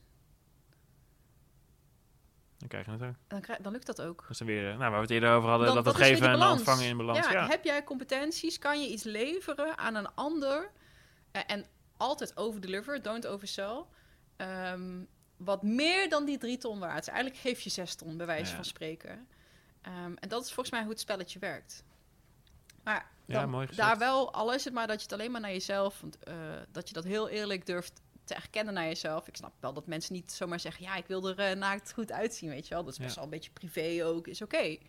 Maar heb dat wel voor jezelf in ieder geval helder... wat je doet en waarom je het doet. Ehm, en, en, en je eigen ro- rol daarin. Oké, wat, geef je- wat, ga, wat ga je teruggeven? Ja. ja. Sorry, dat was even een... eh, Nee, maar dat vind ik een hele mooie. Ja, dat is misschien net terugkomen. En da- daar merk ik dus eigenlijk ook weer over spanningsvelden gesproken. Van, eh, nou goed, de, de missie die ik eigenlijk voor mezelf... Nou, misschien het luchtkasteel wat ik voor mezelf heb, eh, ge- heb geformuleerd. Ja, zit er goed ingepeperd. Dankjewel. van, ehm, nou, dat ik ehm, mijn eigen bewustzijn en het bewustzijn van anderen wil helpen ontwikkelen. En tegelijkertijd enjoying life. Ja, That, Hey, that- that's, my, uh, that's my mission. Maar goed, daar zit af en toe wel van, oké, hoe, hoe zit dan de balans? En hoe zit dan eh, enjoying life? Wat, wat betekent dat? Hoe ziet die invulling eh, eruit? En nou, en op welke manier? ehm, dus je, dus je houdt. Dus uiteindelijk vind ik die, die why, die how, the what wel weer heel sterk. Maar het is inderdaad wel van, en je hoeft niet te hoe, zeggen... hoe hey, zuiver is het? kom bij mij, want ik heb drie ton nodig. Ja. Ja, weet je, dat, dat, dat is geen goede marketing. Dat Nee. snapt iedereen. Wel, ik heb eergisteren een crowdfunding campagne opgezet. Oh, en daar goed. staat eigenlijk wel letterlijk gewoon... hey, geef mij 5000 euro. Want ik heb andere camera's en andere microfoons... en een, ander lo- of een logo en een website nodig. Eh, maar dan is het ook gewoon duidelijk. En, maar dat doe ik nu na 2,5 jaar. Dus mensen Ja. doneren nu, omdat ze al 2,5 jaar luisteren... en zoiets hebben van... oh, wauw, ik luister al 2,5 jaar, ik heb er wat aan gehad ik heb nu eindelijk een outlet om ook een steentje bij te kunnen dragen. Zo Ja, zie mooi. ik het. Van mensen een mogelijkheid geven om een bijdrage te leveren. Ehm, maar daar ben ik niet mee begonnen. Van, hey, geef me 5000 euro, zodat ik een podcast kan starten. Dat is anders. Nee, dus je hebt eerst gewoon je credibility gaan opgebouwd. ja, ik heb al Ja. geoverdelivered. ja. En ik, en ik moet nu leren vragen. Of ik ben nu in de, situa- in de positie dat ik mezelf goed genoeg vind om Ja. deze vraag te mogen stellen. heel mooi. Ja. Maar dan moest ik dus eerst mijn eigen overtuiging op de rit hebben. En mijn eigen, zo van, oké, ja, dit is inderdaad wat ik wil bieden. En dat is niet alleen een verhaal. Nee, ik, heb, dit, ik weet dit echt. Ik heb dit echt helemaal ja, ge- geïntegreerd. is een beetje het spiritu- spirituele woord ervoor. Maar ik, Mooi, dit ja. is in mijn kern. Ehm, en nu ga En, en het ontvangen, want ik eh, vind het zelf ook een, een lastig thema. Hoe, hoe doe jij dat? Hoe heb je dat ontwikkeld? Ehm, ja, door gewoon heel vaak op mijn vingers gewezen te worden. Mm. Teruggespiegeld te worden. Van als je een complimentje krijgt bijvoorbeeld. Of als er iets lukt, eh, dat je, dat je het wegschuift. Of eh, iemand meteen terug een compliment geeft. Of het negeert. Ehm, vanochtend nog aan de telefoon. Die, die Anatol waar het over hadden, ik even kort mee gebeld. En die, die was heel aardig over mij in het gesprek wat we hadden. En dan moest ik echt mezelf, maar dat kon ik, doordat ik ook al eerder keer dat mensen zeiden van... hé, hey, je mag een compliment best wel ontvangen. En zeg dan gewoon dankjewel, weet je wel? Dus ik moest het een paar keer Mm. meemaken in de praktijk. En nu kon ik dus vandaag toevallig voor het eerst... Ik hoorde dat. Ah man, thanks. Ik zei, nu moet je wel ophouden. Dan ga ik blozen, weet je wel. Ja. Dus het lukt misschien nog niet helemaal. Ja, dat is gewoon oefenen. Oefenen, oefenen, oefenen, oefenen. Ja. En heel vaak op je bek gaan. En dat ik iedereen gun is dat je gewoon heel vaak op je bek gaat. Eigenlijk. Want je gaat niet dood. En eh, misschien een schaafwond of een ge- gekneusde knie. Hey, you'll be fine. You'll be fine. ja. nou, dat zeker. Relax, you'll be fine. Enjoy the ride. Echt. Nou, wat ik heel mooi vond, was vorige week eh, bij Els van Stijn. Heb je daar ook al voor je podcast? Zijn Eh, voor nee, familieopstellingen. Dat is ook wel, eh, ik ga dus binnenkort met haar een podcast opnemen. En ze had me dus uitgenodigd voor een, voor een familieopstelling, een workshop van haar. En wat zij wel heel mooi uitlegde van dat de, dat de balans in een relatie vaak verstoord wordt. Dus door het geven en nemen of het geven en ontvangen proces. Maar dat heeft niet zozeer van wat vaak wordt gedacht van oh, eh, we zijn alleen maar ontvangers. Maar dat heel veel mensen gewoon niet goed kunnen ontvangen. En ze gaf een heel mooi voorbeeld van, eh, nou stel je voor je hebt een... eh, eh, een, een, een, oude bo- een oude bovenbuurvrouw die eigenlijk gewoon niet meer de trap af durft of eigenlijk niet meer kan of alleen maar in bed ligt en dat je ziet van, hé, weet je, ik haal wel boodschapjes voor je. Ja. En ehm, als je dat dan doet en eh, je, je dropt eigenlijk de, de boodschappen en zegt van, nou, eigenlijk vanuit de, bek van, eh, vanuit de bed van, ik kan niks meer doen, alleen maar zeggen, oh, dankjewel. En je ontvangt het niet, dan bouwt er schuld op. Dus ja, inderdaad... het voelt voor haar niet fijn. Nee, precies. Ja, dus ja, die, ander, als je inderdaad niet kan ontvangen, buiten voor die ander schuld op. Dus juist door echt te kunnen ontvangen, eh, zorgen dat het blijft stromen en dat er inderdaad, nou, waar we net over hadden, dus dat het geven en ontvangen principe ook blijft lopen. Ook een hele mooie, denk ik van, oh ja. Ja, je, je doet de ander er ook een disservice mee als je hem niet ontvangt. Ja, ja mooi. Cool. Ik zit even naar de tijd te kijken, want we gaan Ja, volgens mij zijn we even meteen, bezig, hè? eh, ja, en jij wilde ook nog eh, voor jouw podcast. Zullen we hem afsluiten? Is dat oké? Ja, helemaal goed. En dan, eh, Dankjewel. eh. Mocht je nog verder willen kletsen, dan doe dat. eh dan moeten die van mij. mensen gewoon naar die van jou verder luisteren. Vind ik een goed idee. Wat is de naam van je podcast? Het Millennium Mysterie. Hemmelin De is overal te vinden. Ja, nog niet op YouTube, maar wel op Spotify, iTunes of wat heet dat, Apple Podcast tegenwoordig. En, Is dat ook de plek als mensen meer over jou willen weten of in contact met jou willen komen, waar ze best terecht kunnen? Ja, dat is makkelijk via Instagram. Doe ik het eh, gewoon het Millennial Mysterie. Eh, maar vaak ook mocht je wat eh, meer eh, informatie willen hebben over, over millennials en thema's, dan deel ik veel meer op LinkedIn. En eh, wat nu dus ook steeds meer gaat komen is via millenniallive.com. Ja. En dan heb je dus de, de tribe, komt daar binnenkort eh, online. Te gek. Dankjewel. Dankjewel. Dat was hem. Dankjewel voor het luisteren. En je bent tot het einde gekomen, dus ik hoop dat je hier waardevolle inspiratie uit hebt gehaald. En als dat zo is, voel je vrij om bijvoorbeeld een eh, screenshotje te delen of in je Instagram stories of mij een berichtje te sturen. Of om je te abonneren of uiteraard een fijne review of 5 sterren rating voor me achter te laten. Daar maak je mij ontzettend blij mee namelijk. Rest mij niks anders dan te zeggen, geniet van je dag, enjoy life. En onthoud, the story can wait. Sit back, relax and enjoy the ride.